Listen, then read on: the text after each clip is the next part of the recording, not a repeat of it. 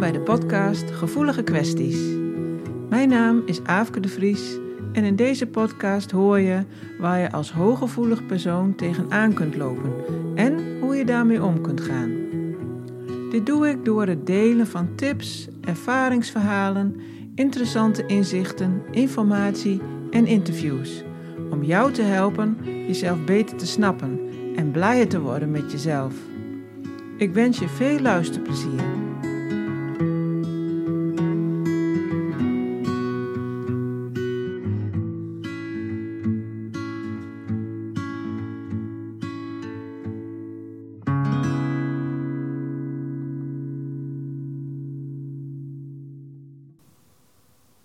Deze aflevering ga ik het hebben over hoe je omgaat met moeilijke emoties. Nou, mijn ervaring is dat mensen uit zichzelf natuurlijk al verschillend reageren op emoties. Dus er is ook niet uh, zomaar één specifiek antwoord te geven op deze vraag. De een kan uh, goed zijn emoties voelen en uiten, de ander juist niet, of misschien juist weer te veel. En sommige mensen zijn bijvoorbeeld in hun hoofd gaan zitten en hebben hun emoties als het ware afgeschermd. En ze kunnen dan vaak heel goed beredeneren waarom iets zo is, of ze kunnen hun mening erover geven, maar ze blijven dan weg bij hun gevoel. En dan zou het best goed kunnen zijn om te leren hoe je meer in contact kunt komen met je emoties. Natuurlijk wel op een voor jou veilige manier. Bijvoorbeeld uh, via je lichaamssignalen. Ik kom daar later nog op terug. Er zijn ook mensen die bijvoorbeeld juist heel erg overweldigd kunnen worden door hun gevoel. Dat gevoel is dan uh, snel heel heftig of heel intens. En dan zou je juist gebaat kunnen zijn bij een manier om jezelf eerst wat rustiger te krijgen. Ook weer via je lichaam, zoals met ademhaling of EFT-tapping. Ook onder hooggevoeligen zie je die verschillen. Al is bij het hooggevoelige, of ja, we noemen het ook wel het atypische brein, wel ontdekt dat er meer activiteit is in de hersenen op het moment dat er iets wordt geraakt of gevoeld. En dat het langer duurt voordat die activiteit weer tot rust komt. Dus dat het ook langer duurt voordat de emotie verwerkt of gekalmeerd is. Zelfs als je het type bent dat in zijn hoofd is gaan zitten dan nog kun je doodmoe worden van emoties, die je dus niet eens bewust registreert, maar die ergens in jou wel energie kosten. Je kunt dan toch best wel heel moe worden of somber. Nou, er zijn natuurlijk al heel veel boeken over emoties geschreven. En er is al van alles over gezegd door heel veel mensen. En ik ben zelf ook voor mijn uh, eh, HSP balanstraining bezig geweest om een soort uh, mini-emotiekompas te maken. Is een soort navigatiesysteem. En die helpt je erbij om erachter te komen wat een emotie jou te zeggen heeft. En dat is dan zowel op fysiek of, of menselijk niveau als op zielenniveau, want daar kan wel een verschil tussen zitten. En de ziel die kent de emoties niet op de manier zoals wij ze als mens ervaren. Want als mens ervaar je alles op basis van dualiteit. Dus als je bang bent, dan voel je geen veiligheid. En als je verdrietig bent, dan komt dat vaak doordat iets niet is zoals je graag zou willen dat het is. Terwijl voor de ziel alles gewoon is zoals het is. Zonder goed of fout, of fijn of niet fijn. Er zitten dan geen labels op. Het hoeft dus ook niet anders te zijn. Hoe het precies zit, weet ik natuurlijk ook niet helemaal, maar ik verwacht dat emoties een bepaalde frequentie hebben. Een, een trilling. En wat ik er tot nu toe van begrepen heb, is dat de essentie van je ziel altijd een hogere trilling heeft. Namelijk de frequentie van liefde of van creatie. Dus die wordt niet geraakt door de lagere frequenties van je emoties. Nou, niet dat daarmee gelijk alles uh, opgelost is. Want als je vaker naar me luistert, weet je ook dat ik niet geloof dat je er op lange termijn verder mee komt om boven jezelf eh, te gaan hangen, zeg maar. Maar het kan wel helpen om je emoties een beetje in perspectief te plaatsen of om ze wat te relativeren. Maar volgens mij zou je grofweg drie manieren kunnen onderscheiden om met emoties om te gaan. De eerste is passend reageren op een situatie. De tweede is betekenis geven aan je emotie. En de derde is geen betekenis geven aan je emotie. Nou, ik ga ze allemaal even langs. Ehm, de eerste is dus dat je passend kunt reageren op een situatie die zich voordoet. Dus als iemand jouw fiets steelt, word je boos. Tenminste, ik weet niet zeker natuurlijk, maar dat is wel passend. Als je iemand verliest, ben je verdrietig. Als iemand je bedreigt, dan ben je bang.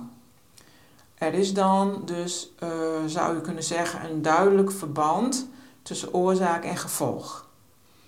En je geeft jezelf dan ook toestemming om te mogen voelen wat je voelt. Want je vindt het immers logisch en legitiem dat je het voelt.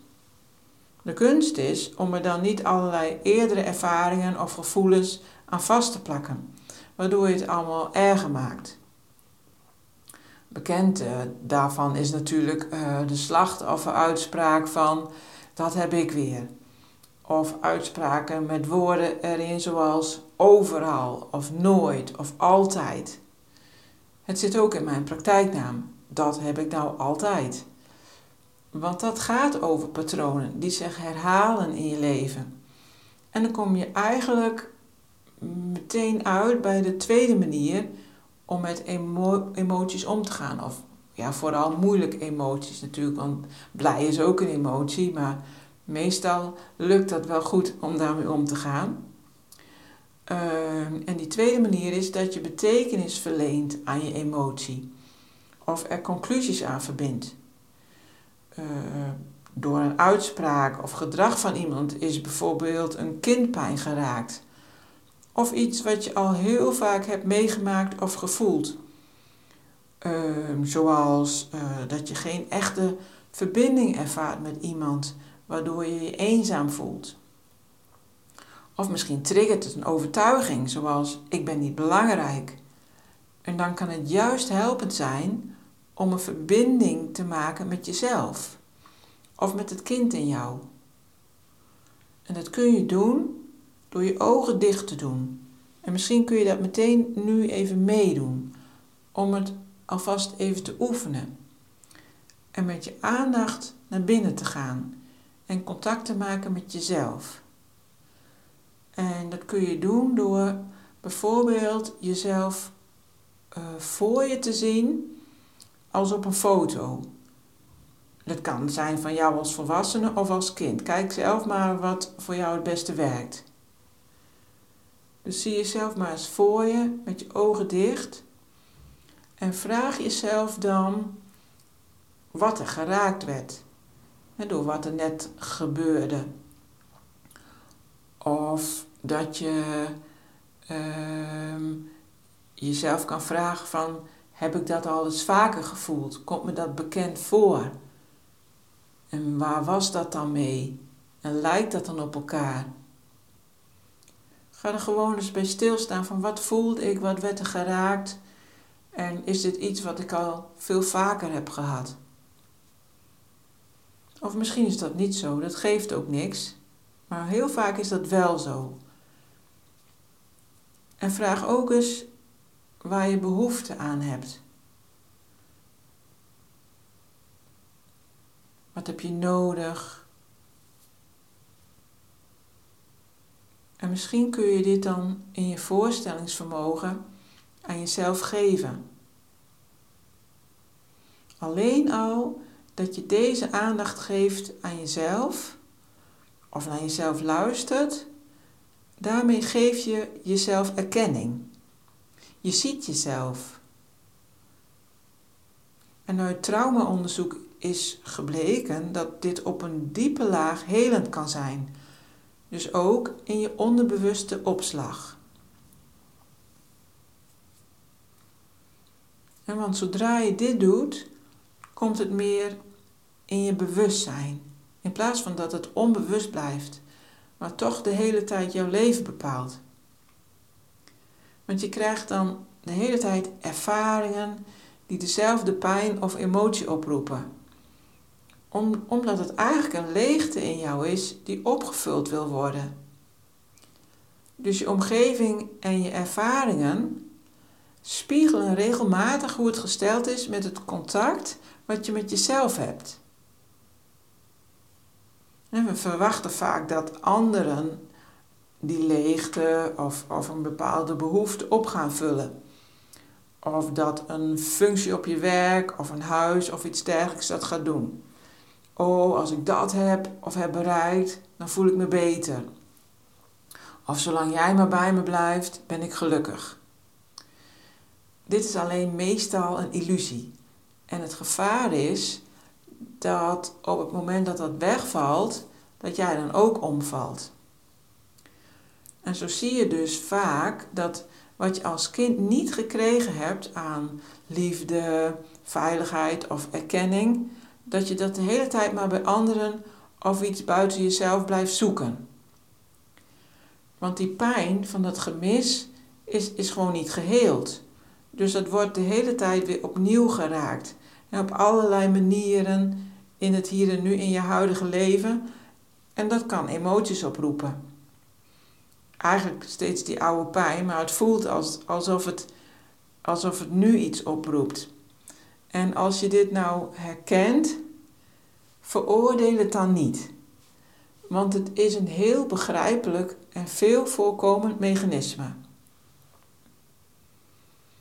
En het voordeel ervan, uh, als, je, als je die liefde, veiligheid en erkenning aan jezelf kunt geven, is dat je meer grip krijgt op je emoties en ook op je huidige leven. Je krijgt gewoon meer regie en daardoor vaak ook meer zelfvertrouwen. Oh, ik kan dus zelf invloed uitoefenen op mijn leven en op mijn gevoel. In plaats van dat ik afhankelijk ben van een ander. En je komt daarmee dus uit de slachtofferrol of uit de machteloosheid van het kind, zo zou je het ook kunnen zeggen. Een kind is eigenlijk altijd machteloos en dat kan je nog steeds bij je dragen. Maar als je daar dus wat meer uitkomt, dan voel je meer de verantwoordelijkheid die je als volwassene kunt nemen voor je leven. En dat je ook gaat geloven in dat je het wel aan kunt wat er op je pad komt. Je krijgt er gewoon steeds meer vertrouwen in. En natuurlijk is het fijn dat er andere mensen in je leven zijn waar je lief en leed mee kunt delen. Maar als je voelt dat je meer autonomie hebt en dat je weet hoe je zelf beter met je emoties om kunt gaan, zorgt dat uh, voor meer rust en stabiliteit. En vooral ook dat zelfvertrouwen. Want je hoeft niet meer zo bang te zijn dat je emoties met jou aan de haal gaan. He, dat het je overkomt of overspoelt. En dat het je allemaal veel te heftig wordt. Want je weet wat je dan kan doen. En als het je niet lukt om met je aandacht naar binnen te gaan en jezelf te vragen wat je nodig hebt, omdat je emotie bijvoorbeeld te heftig is, of omdat je gewoon helemaal niet gewend bent om dit soort dingen te doen, dan kun je ook leren om uh, eh, EFT toe te passen. Uh, je kunt daar meer over lezen op mijn website, want daar gaat nu deze hele podcast niet over. Uh, of luisteren naar uh, aflevering 26 van deze serie. dat is een interview uh, of een gesprek wat ik samen heb met een collega EFT-therapeut. En daar leggen we heel veel uit over EFT.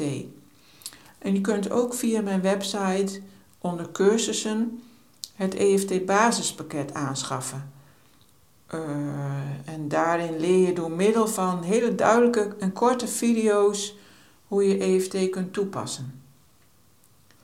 Nou, de derde manier waarop je met emoties om kunt gaan, is dat je er juist geen betekenis aan geeft. Dat is best moeilijk, maar eh, je probeert dan om de emotie alleen te ervaren. Je plakt er dus geen label op van goed of fout.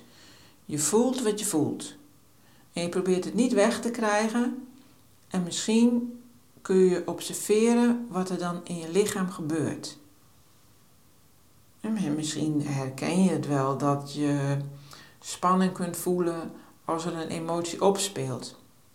Waarschijnlijk wil je dan liever die emotie niet voelen. Je voelt er weerstand bij. Maar zou je eens kunnen oefenen met de emotie wel te voelen? Ik stel me bijvoorbeeld wel eens voor dat ik op het strand lig, vlak bij de zee, daar uh, waar de golven het strand opkomen.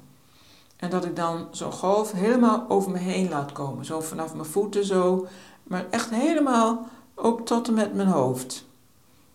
En dat voelt dan even heel intens, maar het is vaak wel kort. Hè? Want al snel gaat die golf, die trekt zich natuurlijk weer terug.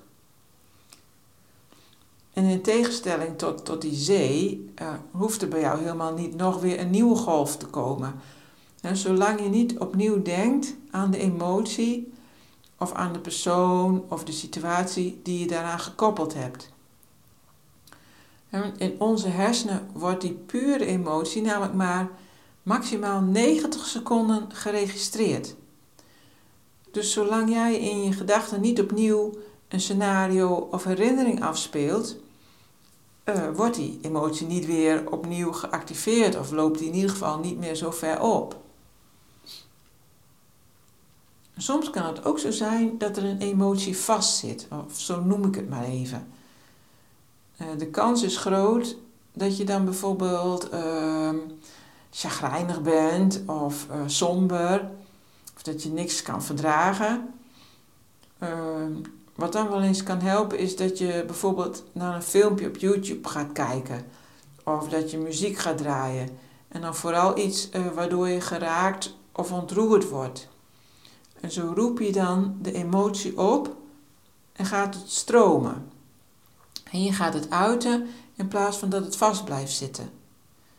En de kunst is om er dan verder niet te veel gedachten of conclusies aan te verbinden. Het doel is dat de emotie eruit komt, want daarna voel je je waarschijnlijk opgelucht en minder somber of zagrijnig. Misschien ook wel minder moe. Trouwens, uh, je kunt ook uh, somber of chagrijnig worden van overprikkeling.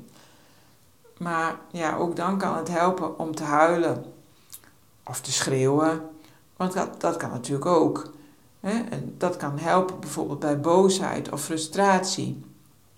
Je mag best wel een keer schelden bijvoorbeeld, als je daar behoefte aan hebt.